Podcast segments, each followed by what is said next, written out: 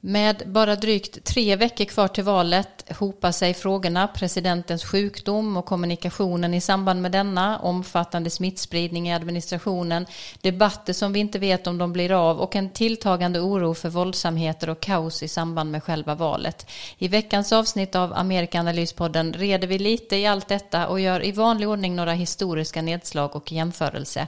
Vi bjuder på veckans Trump, men den här gången även veckans Biden. Varmt välkomna att lyssna. I have a dream that one day this nation will rise up and live out the true meaning of its creed. This is a place where you can make it if you try. This is a country where anything is possible, no matter who you are. We do big things. Together, we represent the most extraordinary nation in all of history. What will we do with this moment? How will we be remembered?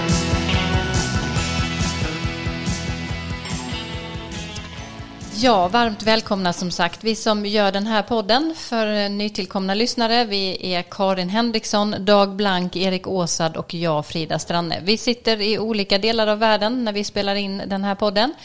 Du Karin är äntligen tillbaka i Washington DC, Dag är hemma i Stockholm och jag är för närvarande också i Stockholm då jag tillfälligt lämnat Halmstad för att vara här några veckor över valet. Hej eh, på er Karin och Dag. Hej. Hej, hej. Erik är inte med i veckans avsnitt, men jag måste fråga dig Karin, hur är det att vara tillbaka i DC? Du kommer minst sagt eh, i en turbulent tid.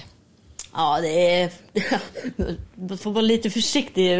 Liksom det är, allt som händer är ju inte är ju inte så uppmuntrande, men för mig personligen är det ju fantastiskt att vara tillbaka i händelsernas centrum. Men jag kan också nämna att det hade hänt en del när jag var borta ett par månader, i min, var jag här i mina kvarter. Och du kanske kommer ihåg Frida att vi var på café som heter Firehook. Det har nu stängt och det är några andra butiker i grannskapet som har stängt och eh, folk har munskydd och eh, det är påtagligt att pandemin är långt från över. Mm. I Stockholm, där jag ju är på besök nu, så eh, är upplevelsen lite en annan. Det är väldigt mycket folk ute, det är ofta fullsatt på restauranger och sånt som jag besöker här. Så det eh, verkar vara lite olika bilder från de här två platserna. Dag, du har precis som jag eh, hektiska dagar nu i allt flöde av amerikanska nyheter. Får du sova något mellan varven? Lite grann. Mm. Tillräckligt? Ja, man får väl leva på kaffe så här års. Mm, ja, jag känner igen mig i det. Ehm, det är tur att det inte är debatt varje natt i alla fall kan jag tycka. Ehm, ja, vi, man brukar säga att ett hjärtslag bara från presidentämbetet så finns vicepresidenterna. Vi har precis eh, haft en vicepresidentdebatt eh, i veckan. Övertygade Mike Pence och Kamala Harris om att de är redo att bli presidenter, Karin? Ja, det tycker nog jag och det tyckte nog de flesta. Och för, förväntningarna var ju betydligt större på Kamala Harris. Att hon skulle verkligen framstå som en eh, trovärdig eh, politiker. Och det gjorde hon. Och Mike Pence vet vi ju att han har klarat den här uppgiften under fyra år. Eh, med framgång får man väl säga. För han har ju en väldigt besvärlig chef. Men eh, det är, och dessutom får man ju påpeka att de ju faktiskt visste att de skulle var, befinna sig i den här situationen när de svarade ja på frågan om de ville bli vicepresidenter, kandidater. Mm. Och de har ju stor erfarenhet båda två, eh, måste man säga, och vilket de också förde fram eh, tydligt eh, i den här debatten. Vad säger du, Dag?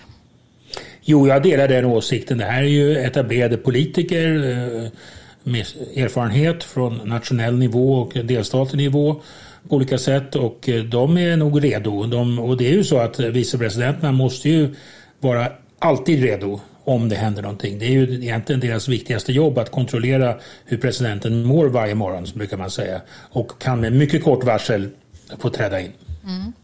Det har ju talats mycket både inför den här vicepresidentdebatten och också nu i efteranalyserna att det här är en viktigare, var, eh, viktigare kamp om presidentkandidatposten än någonsin tidigare. Att det spelar en större roll i år och att också debatten var väldigt viktig. Håller ni med om, om det? Karin? Ja, det får man ju säga. Det var, ja, det är klart att det var. Och, eh, och dessutom, de visar ju då till skillnad från i synnerhet en av debattdeltagarna i, i själva presidentkandidatdebatten att de faktiskt var, är sansade. Sen kan man säga då att det var mycket avbrott här också. Men ehm, ja, det var, det var en viktig debatt och sen om den verkligen ändrade folks eh, åsikt är en annan sak. Men personligen tror jag att eh, vad gäller Kamala Harris då, hon är ju ändå den enda av de totalt då fyra kandidaterna som är yngre och som har en minoritetsbakgrund. Och det, det var nog en viktig signal till demokratiska väljare att hon klarade sig bra. Mm. Dag? Jo, man brukar ju säga att vicepresidentämbetet är inte speciellt viktigt och så är det. Det finns inga specifika uppgifter som en vicepresident ska, eh, ska ha för annat, utom att träda in då i, i, i eh, om presidenten försvinner eller dör. Eh, också sitta ordförande i senaten. Och därför så är eh, mycket uppmärksamhet när vicepresidenterna nomineras under valkampanjen och, och, och de här debatterna. Men sen så faller de ofta i glömska och man röstar ju inte på vicepresident, man röstar ju på president. Men det här året kan man väl säga, precis som Karin sa här, så är det ju en kandidat, två äldre kandidater, en kandidat, Biden, som snart fyller 78 och det kan man ju fundera på eh, vad det betyder om, han måste, om det kan hända någonting med honom de, de närmaste fyra åren här.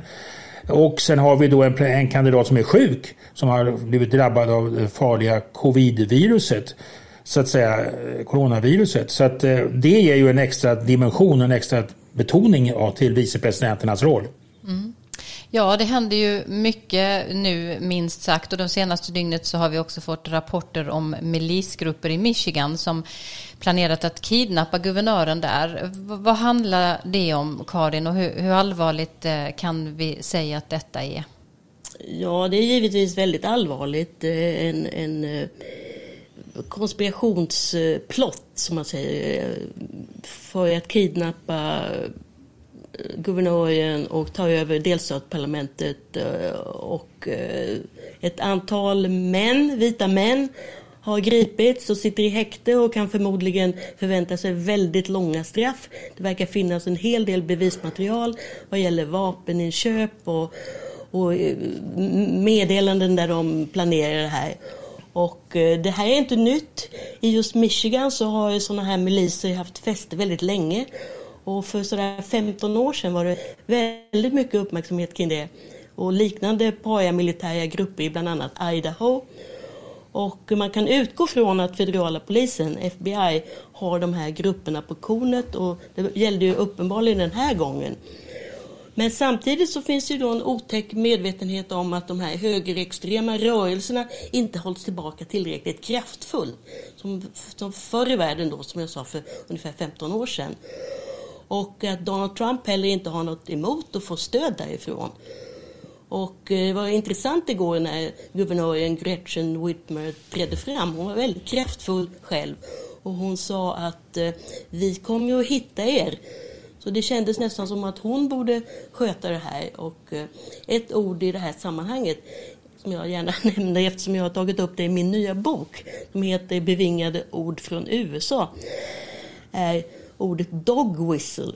Det är alltså någonting som Donald Trump beskylls för att göra. Att han sänder ut signaler som bara de hör som vill höra det. Det vill säga det här vit maktbudskapet och eh, skräcken för externa element. Så det, det är viktigt. Mm. Eh, Dag, hur, vad tänker du om den här händelsen? Ja, det är precis som Karin säger, det är ju väldigt allvarligt. Det är alltså uppror mot, mot regeringen, mot delstatsregeringen och en, en konspiration mot den högsta valda representanten i delstaten. Man kan komma ihåg att den här typen av grupper. Vi hörde från dem under våren också eh, i protestaktioner mot eh, restriktionerna under pandemin, under eh, lockdownfasen i både eh, Michigan och i Minnesota också där vi har demokratiska guvernörer som agerade kraftfullt och stängde ner större, stora delar av samhället och det skapade väldiga protester. Eh, man marscherade mot kapitolierna i, kapitolium i båda delstaterna och vi minns Trump skickade ut ett meddelande på Twitter där han sa “Liberate Minnesota” Han menar då att uh, han, han, ville på något sätt ingripa från den federala nivån mot, och, och ingripa mot guvernören där. Så att det är lite att upp, uppmuntra sådana känslor. Mm. Vad, vad, tänker ni om dessa eh, tecken och eh, initiativ eh, som nu så här nära in på valet och all den här spekulation som finns kring vad som kan hända direkt efter valet. Det känns som illavarslande tecken både att de här milisgrupperna agerar på det här sättet nu men också då hur Trump väljer att kommunicera som du säger Karin. Ja, jag tänker att det är naturligtvis väldigt allvarligt och jag tänker också att det är ju eh, som sagt inte nytt och att de här eh, ska man säga, föraktet eller hatet mot eh, statliga och delstatliga myndigheter har ju frodats verkligen i vissa landsändar och i vissa kretsar. Men jag skulle tro att eh, polismyndigheter av olika slag, det finns väldigt många sådana i USA, att de nog är redo och kommer slå tillbaka som har skett förr med den här typen av medborgaruppror, både till höger och vänster. Ja, eh, vi får helt enkelt se och det här är verkligen något som vi lär komma tillbaka till eh, framåt. Vi byter ämne.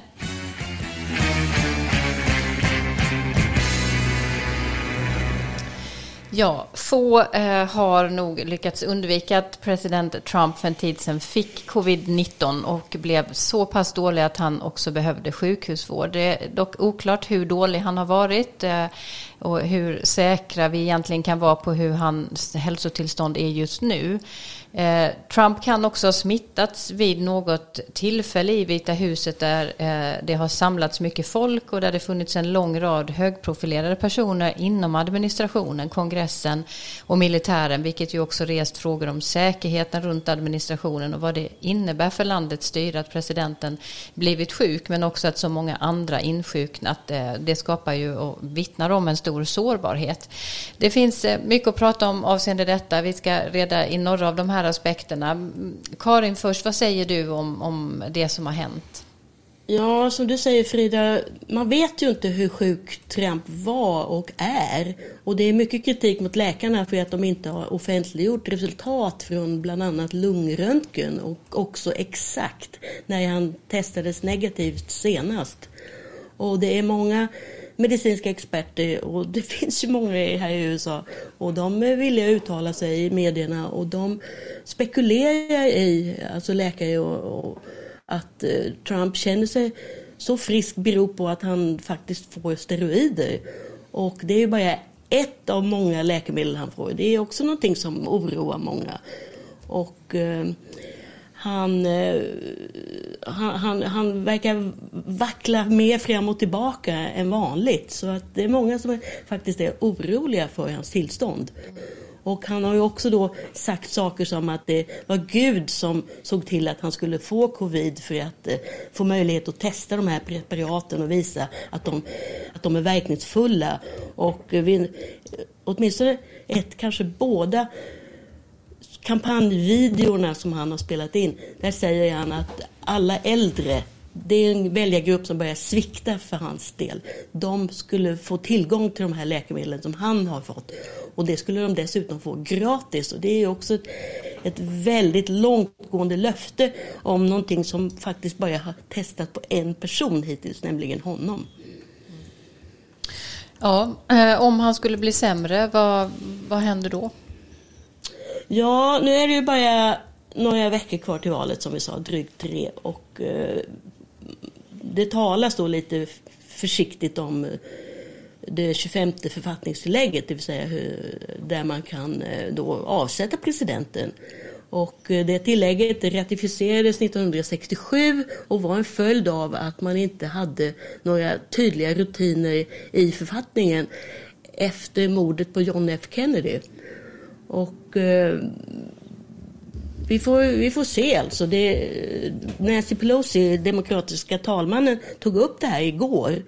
Hon har en presskonferens eh, varje torsdag och hon var väldigt kritisk mot Donald Trump och sa att eh, hon eh, tvivlade faktiskt på presidentens omdöme just nu och tänker nu, nu är det fredag när vi spelar in det här, att ha någon typ av överläggningar i representanthuset om, om, om det finns möjligheter för kongressen att ingripa. För att i själva författningsläget så sägs det tydligt att det är vicepresidenten och ensam eller i samarbete med, eh, eller i samråd med ministrarna i regeringen ska bestämma att presidenten inte längre kan fullfölja sina uppgifter och att vicepresidenten då automatiskt ska ta över. Mm. Eh, ja, eh, Pelosis uttalande kom igår har jag för mig. Eh, vad, vad, vad säger du om det Dag?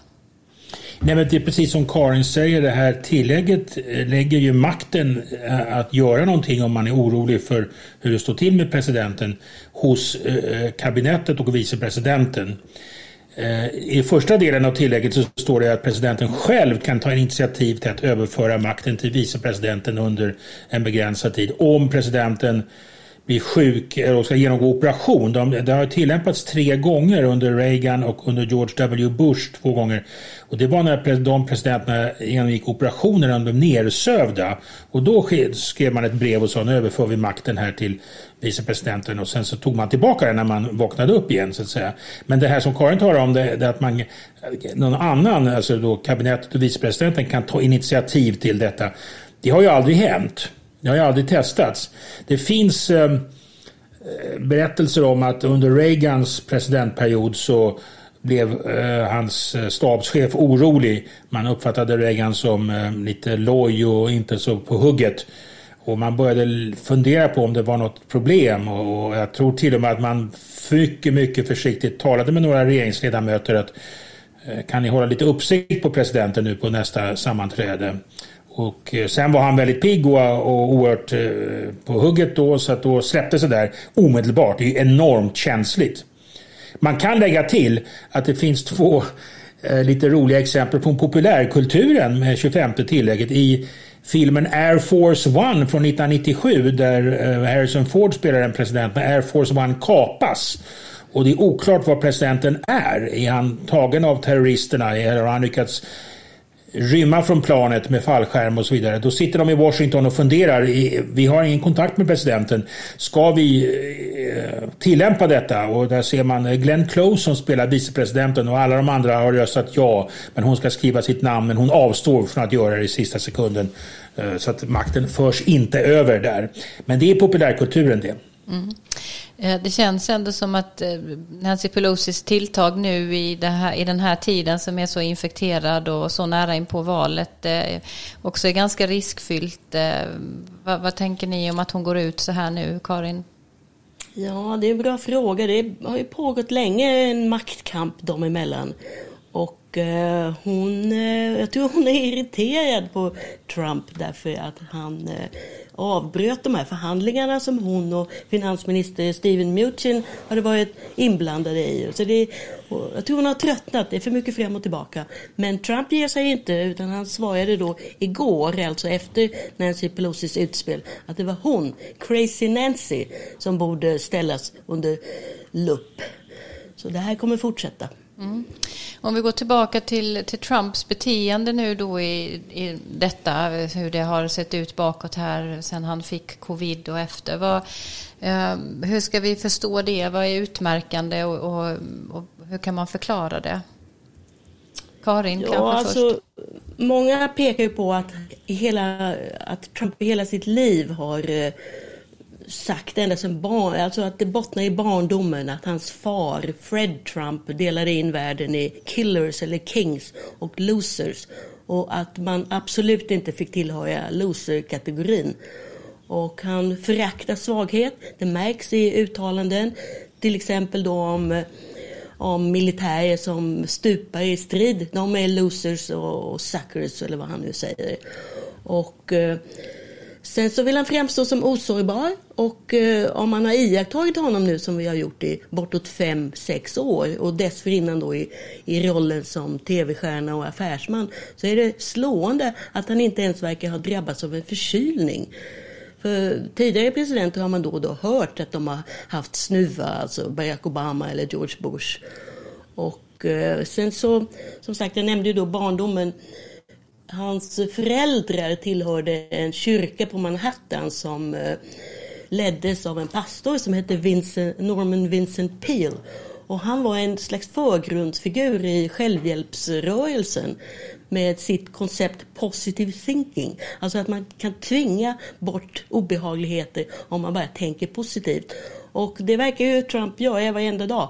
Han sa nu till exempel att han är, att han är perfect physical specimen. Det är en, och att han är, yng, han är ung. Och det är ett häpnadsväckande uttalande naturligtvis från en 74-åring som just har kommit ut från sjukhuset.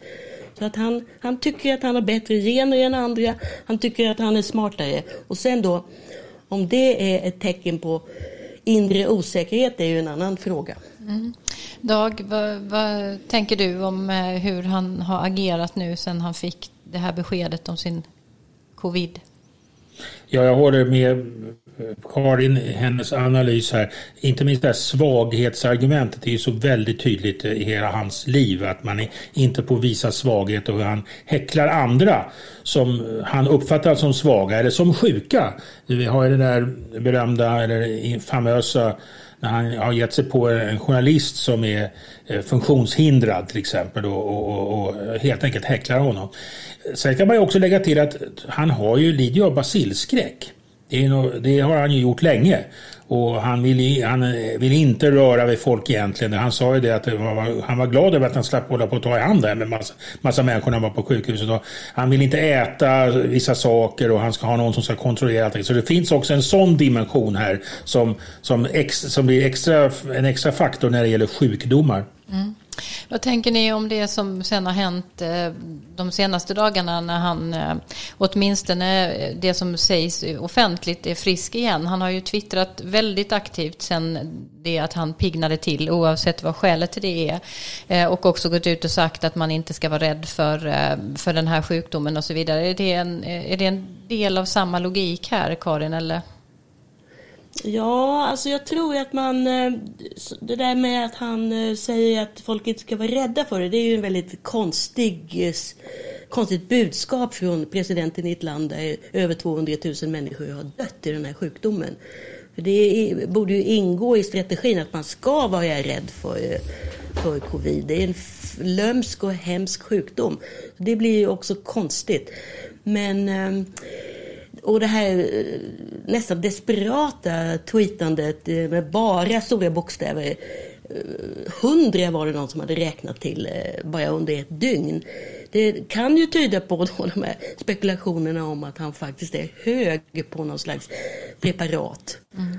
Men sen är det då andra som tycker eller hoppas att han, det, här, det är ett tecken på att han är desperat. Han håller på att förlora, han vet det. Och eh, det är därför som man också är så angelägen om att komma tillbaka på, till liksom den så kallade kampanjstigen med planer på att hålla ett sånt där massmöte redan imorgon, lördag. Mm, kanske till och med två hörde jag att det skulle kunna bli här i, på lördagen eller i helgen. Eh, Dag, jag vet att du inte är så aktivt med att följa Twitter just men man kan inte undgå att ändå ta del av vad det är som sägs och twittras ut. Har, har du någon reaktion på det som Trump har sagt sen han blev så kallat frisk igen?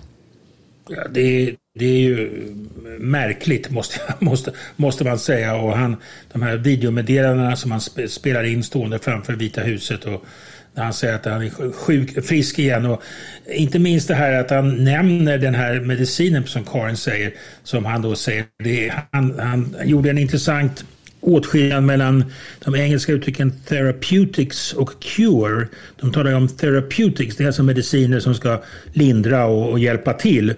Men han sa att det här är inte bara therapeutics, det är en cure, det är en kur. Alltså den, den löser en total bot. Va? Och det vet jag. Eh, och, och, och det ska ni alla få. Alltså det, det, det tycker jag var remarkabelt ur många aspekter. Mm. Eh, en sak som vi kunde konstatera eh, Föga överraskande givetvis var ju ändå att Mike Pence eh, står väldigt stadigt vid Donald Trumps sida och försvarar hans, hans politik här. Ehm, ja, hur kan, hur kan vi förstå det, Mike Pence, i det här läget? Karin? Han har ju stått bi hela tiden. Han ser ju ut som en sfinx. Har ju bara någon enstaka gång antytt att han kanske inte håller med presidenten. Så att ja, han, han vill kanske innerst inne bli president själv. Mm. Ja, eh, frågan är ju ändå eh, generellt vad händer när en president blir sjuk? Nu har vi varit mitt i den här situationen när en sån här eh, sak har inträffat och det ställer ju väldigt många frågor just med eh, vad, vad händer eh, och hur ser maktordningen ut i de här lägena? Det är inte första gången som eh, det händer att en, en president blir sjuk, även om dramatiken så här precis inför valet och i ljuset av pandemin är ny. Men kan du ge några exempel från eh, historien, Dag, om, om eh, när presidenter har insjuknat? Ja, det finns ett antal exempel på det och man kan säga att fram till nästan vår tid skulle man kunna säga så gjordes det har det alltid gjorts försök att dölja sjukdomarna. Att inte bara föra fram det i offentlighetens ljus. Att hålla det undan från journalister och hålla det undan från, från allmänheten. Ibland med eh, tysta överenskommelser med journalisterna. Grover Cleveland, eh, den eh, presidenten som var både den 22 och 24 presidenten eftersom han valdes två gånger eh, och kom tillbaka så att säga. Eh, han genomgick en, en, operation eh, på sommaren 1893 under den stora ekonomiska krisen. En tumör i munnen, i över, överkäken där. Och då gav han sig iväg på en, sin yacht, sin, sin båt och seglade ut i, bortom Long Island Sound. Och där genomgick han en operation med en läkare som var ombord. Ganska riskfylld operation. Eh, och det, det gjorde han då för att hålla det undan från marknaden. Det var ekonomisk kris och för att hålla det undan offentligheten. Det gick inte. Eh, det, det kom ut efter, efter två månader. Men det är ett, ett, ett tidigt exempel, eh, Clevelands operation. Mm. Sen har vi ju Woodrow Wilson, presidenten på 1910-talet och den stora fredsmäklaren vid Paris eh, eller Versaillesfreden han återkom ju till Amerika med den stora, stora segraren och skulle föra in landet i Nationernas förbund men misslyckades med det. Och i oktober 1919 så fick han en mindre stroke och den påverkade honom hela tiden fram till mars 1921 när han lämnade eh, ämbetet. Och eh, han var, höll sig borta från rampljuset. Det var hans hustru Edith som skötte om honom och tol tolkade hans vilja. Många menar att hon var en sorts, som en sorts Lady Macbeth och, och, och styrde landet. Hon säger själv att det var, hon visade presidenten alla dokument och talade med honom allt och det var han som egentligen bestämde och det var hon som talade om vad han hade sagt. Men mm. där, där, där en, ett, ett annat mycket välkänt exempel, Wilsons sjukdom där. Vet man något om varför hans vicepresident inte kallades in? Ja, det fanns ingen möjlighet att göra det i konstitutionen. Precis som Karin sa, det är det här 25 tillägget som öppnar för det. Eh, för han levde ju fortfarande. Och, och, eh, och det var på grund av det och också efter Kennedy-mordet. Va? vad, vad händer om presidenten får en långvarig sjukdom, kanske faller i koma eller någonting sånt där. Och det är det det 25 tillägget är till för att rätta till. Mm. Och sen har vi ju president Roosevelt som satt i Vita huset eh, Eh, 1933 till 1945, vilket är längst eh, av någon president någonsin. Han hade ju polio. Ja, han hade polo, president eh, Franklin Roosevelt. Han fick det 1921 vid 39 års ålder. Han var redan då politiskt aktiv i New York. Han arbetade oerhört intensivt med rehabilitering. Han satt i rullstol men han kunde stå och gå med viss hjälp och med vissa hjälpmedel och valdes till guvernör i New York 1928 och sen då president 1932. Och han blev ju en av de största presidenterna, mest framgångsrika presidenterna. Karin har ju talat om de här olika rankningslistorna tidigare och de olika presidenterna och han ligger ju alltid i topp på de listorna.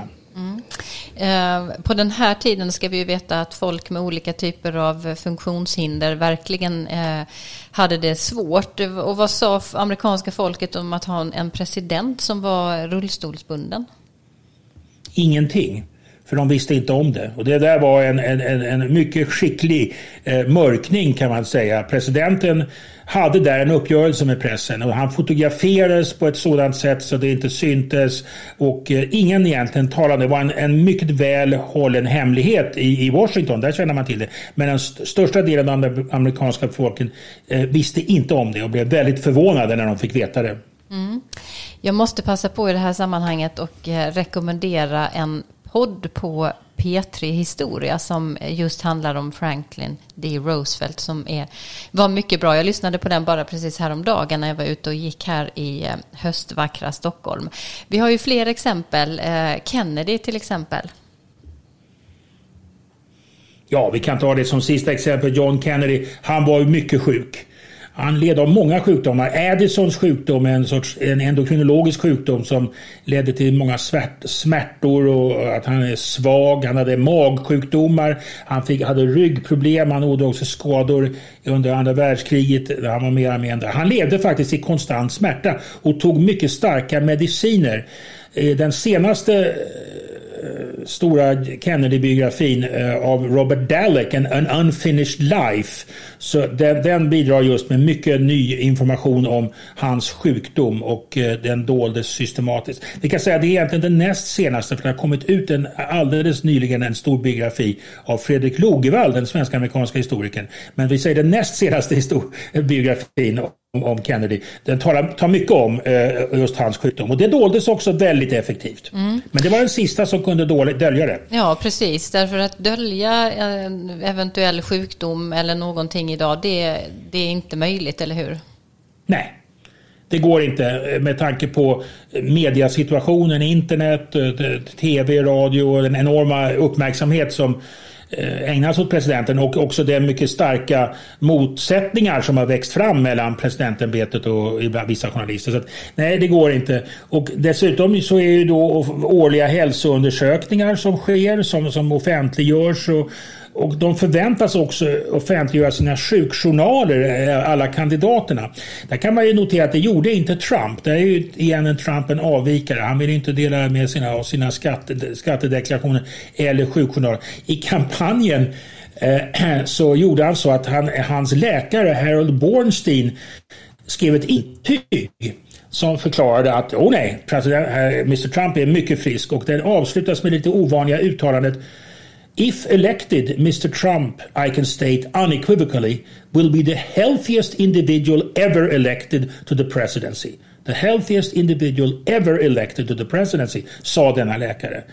Det hade ju varit ett antal presidenter då före honom, eh, 44 stycken, men det visste han, eh, Harold Bornstein. Och eh, två år senare så erkände han att Trump hade dikterat detta, detta intyg för honom. Att, och det gjorde han eftersom han utsattes för starka påtryckningar för Trump. Mm. Kan jag lägga till någonting där också? Det är nämligen Ronald Reagan. Han, man kan säga att den här öppenheten om sjukdomar började med honom. Och eh, det var liksom, det är den där gamla krishanteringstipset, att man faktiskt ska säga sanningen med en gång. Och eh, när, han, när Ronald Reagan behandlades för cancer så kom läkarna ut, samma sjukhus som Trump vårdades på, nämligen eh, Walter Reed-sjukhuset utanför, strax utanför Washington och meddelade att presidenten har cancer. Och det betyder då att det inte blir den här typen av spekulationer och konspirationsteorier mm. som vi har nu. Nämligen, jaha, när visste Trump att han var sjuk? Vad har han fått för läkemedel? Är han verkligen eh, eh redo att åka ut och stå i, bakom talarstolen i en och en halv timme igen och så vidare? Mm. Sen kan man, jag kan lägga till en sak. Vi har ju, det här är ju sjukdomar. Sen har vi de som, som blir attackerade och som de blir beskjutna och mördade. Det, det, det är liksom en annan, annan dimension. Och där har vi också Reagans när hans han blev ju skjuten 1981 kort efter att han hade blivit president. Han överlevde ju där. Men det var ju allvarligare än man, man, man ville låta göra gällande förmodligen. Det var då han hade det berömda uttrycket eh, när han, innan han åkte in i, till operation Honey, I forgot to duck. Som han sa till sin hustru. Och det där fick han ju oerhört mycket sympati för. Mm. Ja, hörni, eh, det här med Trumps eh, hälsotillstånd och eh, hur det påverkar eller inte låter sig påverka hans kampanjande framåt. Det kommer vi tillbaka till inom kort skulle jag tro. Vi har ju som sagt bara tre veckor drygt kvar till valdagen. Men nu tycker jag att vi går över till vårt ständiga inlägg, nämligen veckans Trump.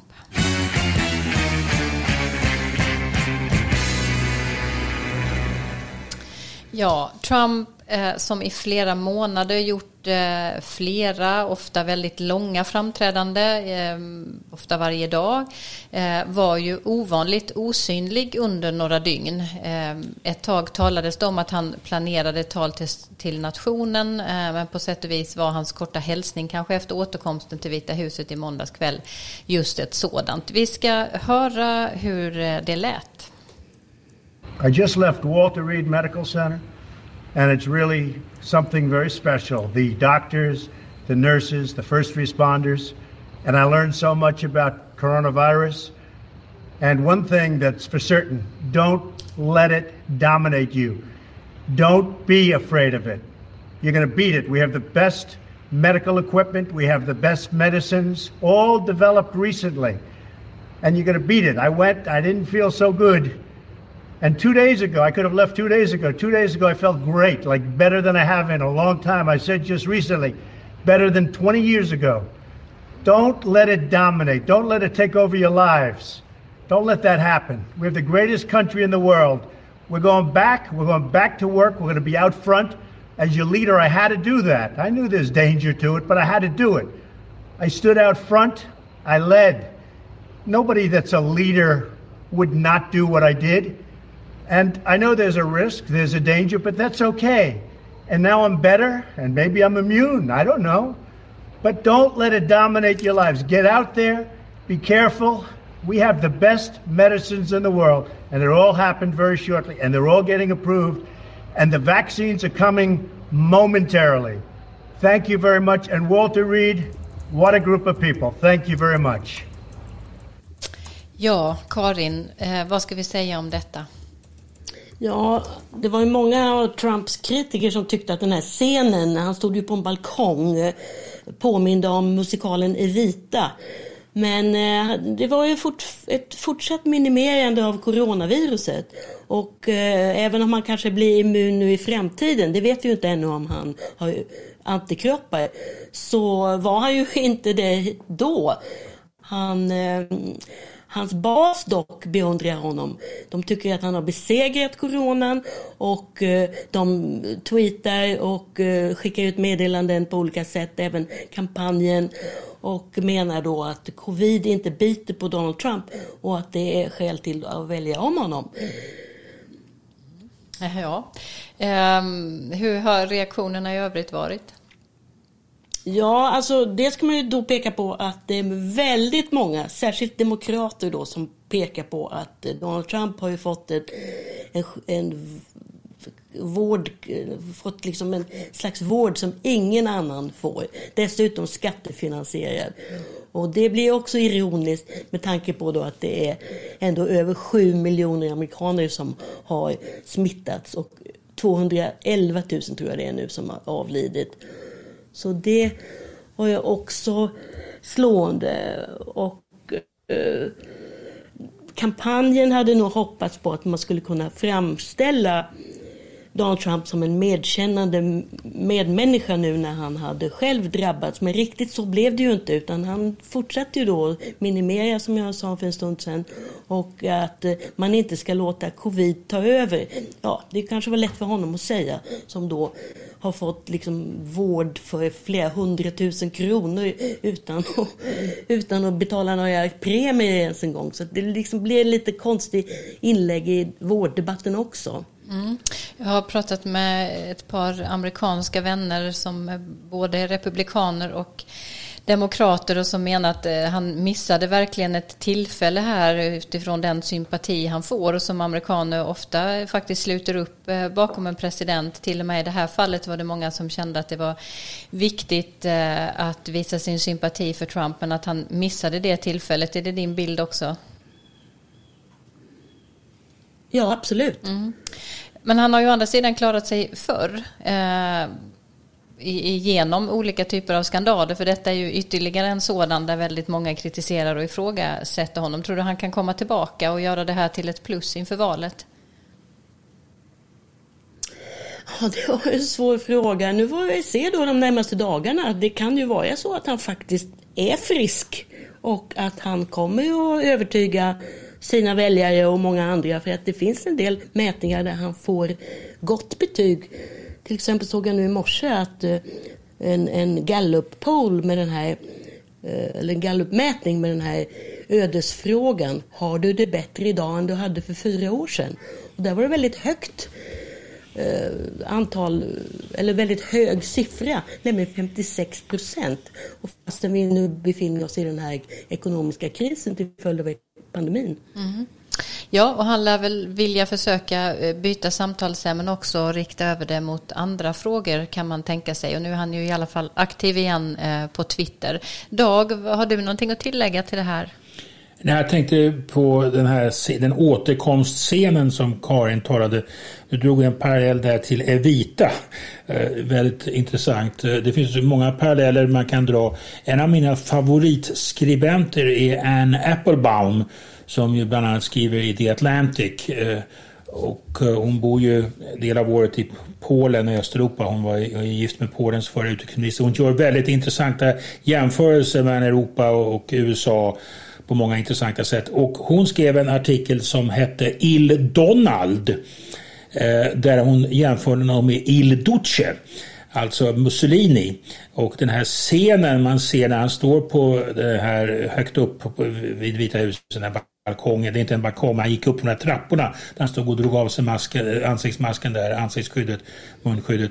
Där står han och han påminner mycket om Mussolini när han står på sin balkong i Rom. Han sticker, sträcker fram hakan lite grann och står där och tittar ut. Alltså hon, hon drog en intressant eh, parallell där, inte så smickrande för Trump naturligtvis. Eh, så att det finns många historiska och samtida paralleller man kan dra här. Anne Applebaums analyser tycker jag kan rekommenderas starkt. De är väldigt eftertänksamma. Mm. Och då ska man ju veta att Anne Applebaum tillhör konservativa debattörer och har rört sig i konservativa kretsar i, i både USA, Polen och eh, England. Hennes senaste bok, eh, Demokratins skymning tror jag den heter på svenska, är ju också väldigt läsvärd. Eh, I det här avsnittet så tänkte vi ju också återge något som Joe Biden sagt. Eh, han är ute och kampanjar antingen på plats eh, i småskalig form eller digitalt och på måndagskvällen så deltog han i en utfrågning, ett så kallat town hall-möte. Det var i Miami och det leddes av kanalen NBCs ankare Lester Holst. Vi ska höra vad han fick för fråga och hur han svarade på den här. Uh, welcome to Miami, Mr. Vice President. Um, I was born in Hartford, Connecticut. Connecticut. I was raised in Hialeah, Florida, and I've been living in Coral Gables for the last 20 plus years.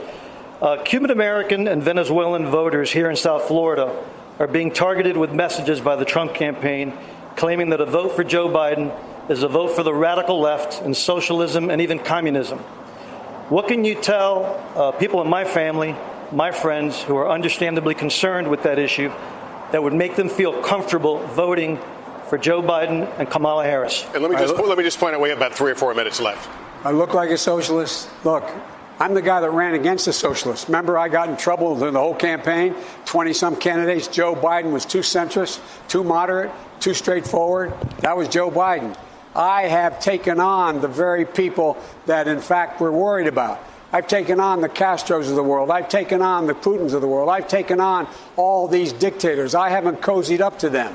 I'm the guy that's been straightforward with them. I'm the guy that let them know it stops here. It stops with me. It stops with me as president.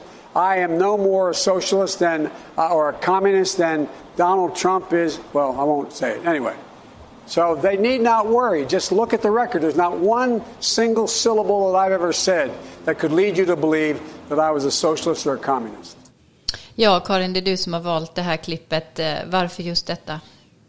Jo, därför att eh, det här temat om att valet står mellan Trump och the far radical left, socialister eller ännu värre kommunister, är väldigt vanlig i Trump-reklamen och i olika konservativa talkshows. Så här så gick han ju verkligen emot det mm, genom att berätta att han hade motat tillbaka de här mest progressiva elementen i partiet under primärvalsrörelsen och att han befinner sig så långt bort från socialismen som det är möjligt. Och eh, budskapet var då särskilt riktat till eh, exilkubanerna i Florida som gillar att Trump skärpt sanktionerna mot Castro-regimen och också mot eh, exilvenezolaner eftersom då Trump-administrationen har varit väldigt hård mot regimen i Venezuela.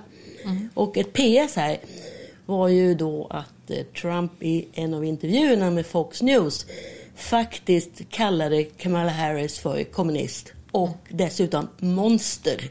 Och det var väl kanske också, ingick, ingår kanske också i eh, ifrågasättandet av Trumps omdöme just nu. Det var ju väldigt, ändå väldigt hårt att säga det om en senator som har valts av med stor majoritet i Kalifornien. Mm.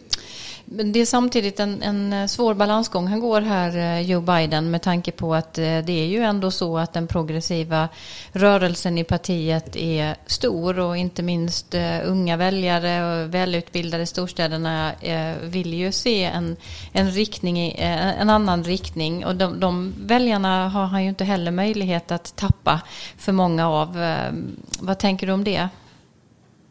Nej, det är helt sant, absolut. Men samtidigt så visar ju då mätningar att eh, det amerikanska folket så att säga är ju mer bekymrade över eh, klimatet än vad Donald Trump är. Och, eh, så att, det, men det är som du säger, det blir en svår balansgång för, för Joe Biden och jag tror man kan säga att hittills har han nog ändå lyckats undvika och, och, och den och beskriva hur han ska möta den konflikten i partiet. Mm. Vi brukar avsluta vår podd med att ta upp lite bortglömda nyheter, sånt som inte får plats i det stora nyhetsflödet som finns från USA eller i USA.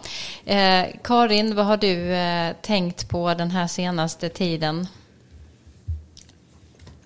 Jag kan tänka på, jag kommer att tänka på Donald Trump och militären och då inte att han har uttalat sig så skarpt mot eh, enskilda militärer utan jag tänkte på hans eh, löfte under förra valrörelsen att han skulle ta hem trupperna. Och nu är det tydliga signaler från Vita huset att man ska dra hem så gott som alla befintliga trupper ur Afghanistan. Och i vanlig ordning då har det blivit liksom frågetecken runt eh, när det ska ske och hur det ska ske och om Trump eh, informerade Pentagon om sitt beslut. Men det, det är i alla fall förmodligen på gång att USAs roll i Afghanistan kommer att krympa väsentligt. Mm, och det har vi inte hört mycket om. Eh, Dag, du och jag pratade ju lite om det här när vi pratade i telefon innan idag. Vad säger du om bortglömda nyheter? Allting som inte har att göra med Trumps sjukdom. Mm. Det är mycket eh, som händer där bakom. Det ja, det är mycket som händer där bakom, både i USA och eh, i andra delar av världen. Eh, men det är mycket fokus just nu på, eh, får vi säga, röran i Vita huset och alla frågetecken som finns kring vad som egentligen gäller kring eh, presidentens sjukdom och hur det här ska påverka valet den närmaste tiden. Stort tack kära poddkollegor som lär mig nya saker ständigt. Karin Henriksson och Dag Blank. Tack till Johan Lindström för ljudillustrationer och till alla er lyssnare.